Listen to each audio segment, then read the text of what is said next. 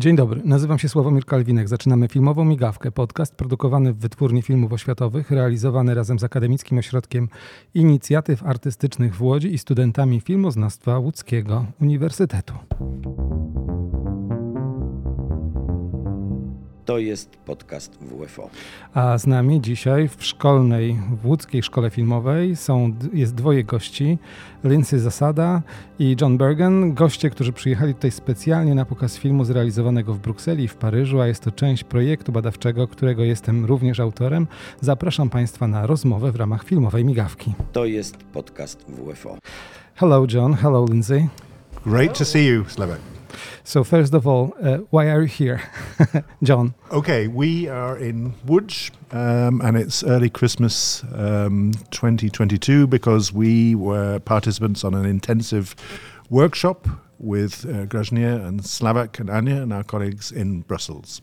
Um, Lindsay, what did you what did you make in Brussels? I made a short film, um, about six minutes long, about um, the existentialism of work versus what you actually desire. My question is, um, wh what connected you with that, with filmmaking and Łódź and the workshop in Brussels? Um, I got an invitation from my friend and former tutor John Burgan to attend, and really wanted to explore a new film concept I had, and this was the perfect opportunity for it. Uh, John, uh, you are not for the first time in Łódź. Why? No, well, my connection to Łódź goes back in many ways. Well, it goes back to when I was a film student in the UK in the National Film and Television School, and I was studying there from 1989 until 1992, and I did a workshop uh, in I think early 1990 with Andre Mellin. Uh, and so, in that sense, my connection to Łódź was with, as Andre's student 30 years ago. But you were also the author of the film in Brussels. I also took the challenge of making a self portrait. I shot for a day in Berlin uh, and edited the film, also made the film uh, as a kind of collaboration with a graduate of the uh, Polish Film School, Mohamed Al Manhani. I can always say his name. Almogiani, Almogiani. Thank you. Um, and had a great um, offer from him and also a, another filmmaking colleague to shoot the short in Berlin, which we then edited and presented during the workshop, and then received really great feedback from Grażyna and Anya and Slavak. And now in Łódź, uh, this is your this is not your very first time, but for, for Lindsay it is. Lindsay, what can you say us about the being in Łódź in film school and in general in, in the city? It is. It's very exciting. Um, I've been in Poland once before, and um, this is my second time now. And I have wanted to come visit Łódź to see the film school um, after hearing about it. And I'm also interested in exploring kind of my family history because I have a lot of family uh, many generations ago who came from this area. It's, yeah, I have to mention that to, tonight there is a screening of our films, uh, of your films as authors, me as a tutor and co-tutor, let's say, and Anya Adamowicz, who is an editor, and many people who are involved in the project. Um, why this project is important for you, particularly in you, for you? I found this really important for me because I haven't made a film since I graduated, and I really wanted to. Um, keep the momentum going, the creative momentum, and kind of refined my voice. I've been working for the last year and haven't really been doing many creative things. So I didn't want to lose film as a creative outlet.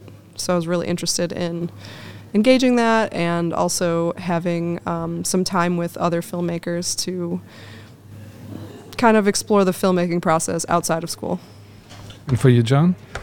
Some similarities with uh, Lindsay. My challenge was because I work a lot as a film teacher, is that my energy and time is dedicated to that, and typically um, my own filmmaking has been neglected in in recent couple of years. So for me, this was a a chance to make something in a short time, uh, a one-day shoot, and then a four-day intensive workshop. But it was uh, it was uh, an offer I couldn't resist. And what do you expect during the screening today? I'm genuinely very interested to see how the film works with an audience, particularly with an audience in Łódź who don't know me. And that's not entirely true. There are some good friends, both from the film school and elsewhere, who may be at the screening. But I'm interested very much in how perhaps some other people that will see the film and, and see see it for the first time. What will they make of it? You know, will will the film make any sense to them? So that's a genuine curiosity on my part.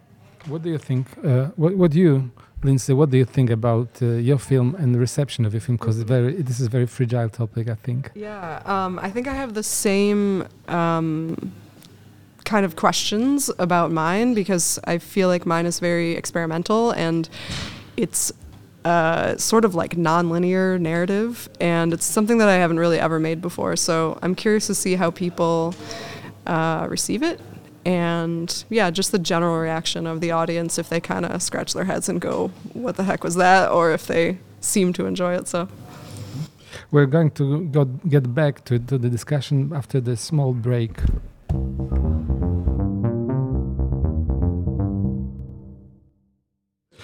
Uh, jesteśmy teraz, przepraszam bardzo, zaczynam mówić po angielsku nawet kiedy nie muszę, więc e, przypomnę Państwu, że w tej chwili e, słuchamy filmowej migawki. To jest seria podcastów, nie tylko rozmowy z twórcami związanymi z wytwórnią filmów oświatowych, ale również filmy, rozmowy o, o, o innych produkcjach, a naszych podcastów możecie słuchać na platformie YouTube, Spotify, Apple Podcast, Google Podcast oraz na stronie Akademickiego Ośrodka Inicjatyw Artystycznych. Odnośniki znajdziecie na www.com.pl łamane podcast lub w opisie odcinka. Zapraszamy do subskrybowania i słuchania naszych produkcji. A my wracamy do rozmowy z Johnem Bergenem i Lindsay Zasada, uczestnikami warsztatów, które odbyły się w Berlinie. Jest to część projektu badawczego realizowanego przez profesor Grażynę Kędzielawską, moją skromną osobę oraz współpracowników ze Szkoły Filmowej w Łodzi, a szczególnie Ania Adamowicz, montażystkę, która tutaj była nieocenioną pomocą. And the next question is, how the editing Uh, change your point of view because this is a very important part of the workshop that we uh, that we edited your films Um, yeah, that was probably the toughest and most eye opening experience for me. I've never had anybody else edit my work except for me. So I really wanted that opportunity to have someone kind of find what they see in my material. And I think that was the hardest part because it was really exciting to have someone else show me what they saw, but then at the same time I had a hard time letting go of the control of what of my vision and my film turned out to be completely different from what I had planned and from what I had shot and it was it brought up a lot of hard feelings but I'm happy that I had that experience because it taught me a lot about myself. What about you John because you are the professional editor not only director but also editor what about you? It's similar for me because I started in the industry way before I went to film school. I was trained as an editor at the BBC back in the mid 80s, long time ago. Uh, so I had a similar inhibition. Having said that, in some ways, it was a luxury and a, a pleasure to step back to not edit. In fact, Mohammed was the key editor, but in terms of the feedback, there was some very fundamental, in, in some ways quite simple feedback that I got from uh, Grażyna and, and yourself. That was, I look back and I think, why didn't I see that? But I didn't see it because I'm in the film and I directed the film. And it just was, that perspective was, was fantastic. So for me, I have to say, it was more of a pleasure than anything else. I have to mention that uh, Mohammed is a former student of me also, uh, the, the, director from the graduated from the film school, which we are now here, and uh, you were surrounded by the people from Poland somehow, and your Polish heritage is also important, I think, because you came here. Um, uh, what do you think about the project like that? Projects like that uh, are they important and are, are, they unique? Because in my opinion, they are somehow. It's a good question because, of course, in many ways, the core, the essence of the workshop is is draws from the documentary teaching here at the film school in Łódź, which everybody goes through. So that's where it has been developed over many, many years. But I think it does actually work extremely well as, a, as an autonomous, as a separate, as a standalone uh, workshop with people who are not even necessarily, you know, educated as filmmakers and people who are coming in from a different uh, perspective entirely. And I think the, the workshop has a flexibility there that means that it, it, although it naturally will work particularly well for filmmakers, people who uh, are film students, if you like, from another institution, it can work in an entirely different space as well. So I, I think it's a very interesting model. What is your perspective, Lindsay? I found it uh, extremely valu- valuable personally because I've been working as an editor for the last year on everyone else's projects except for my own and I haven't had the time or energy or opportunity to do something for myself.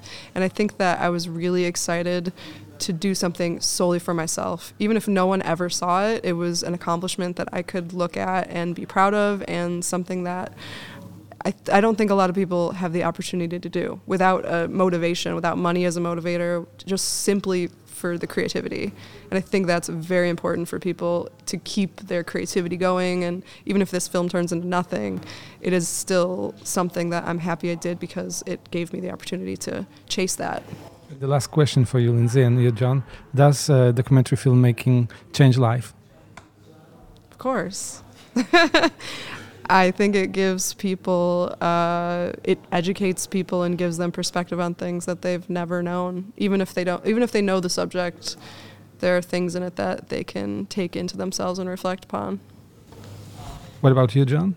Yes, I mean, my friend Rob Rombout says it's it's a documentary attitude. It's a way of looking at the world, looking out at the world, but in a way, it's a way of looking into yourself and I think that's extremely valuable to to be in in a intensive process that gives you that shift of, of perspective, and that's something is is unique and, and something very special. I think I think this this project specifically that's very important because it it allowed me to look inside myself and figure out like what was going on and process through a lot of things. And i think that is also something people don't usually get the opportunity to do.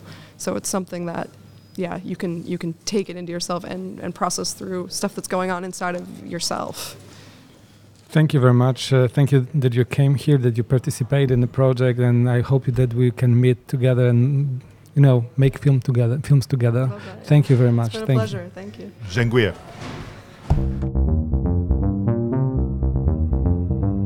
To był podcast Filmowa Migawka. E, dzisiaj rozmawialiśmy z, dwoj, z dwojgiem gości. To są nasi koledzy, filmowcy z Berlina, z Stanów Zjednoczonych i e, Walii w Wielkiej Brytanii, mianowicie John Bergen i Lindsay Zasada, reżyserzy, którzy brali udział w warsztatach, które między innymi ja prowadziłem w Berlinie i w Brukseli i w, e, w Paryżu.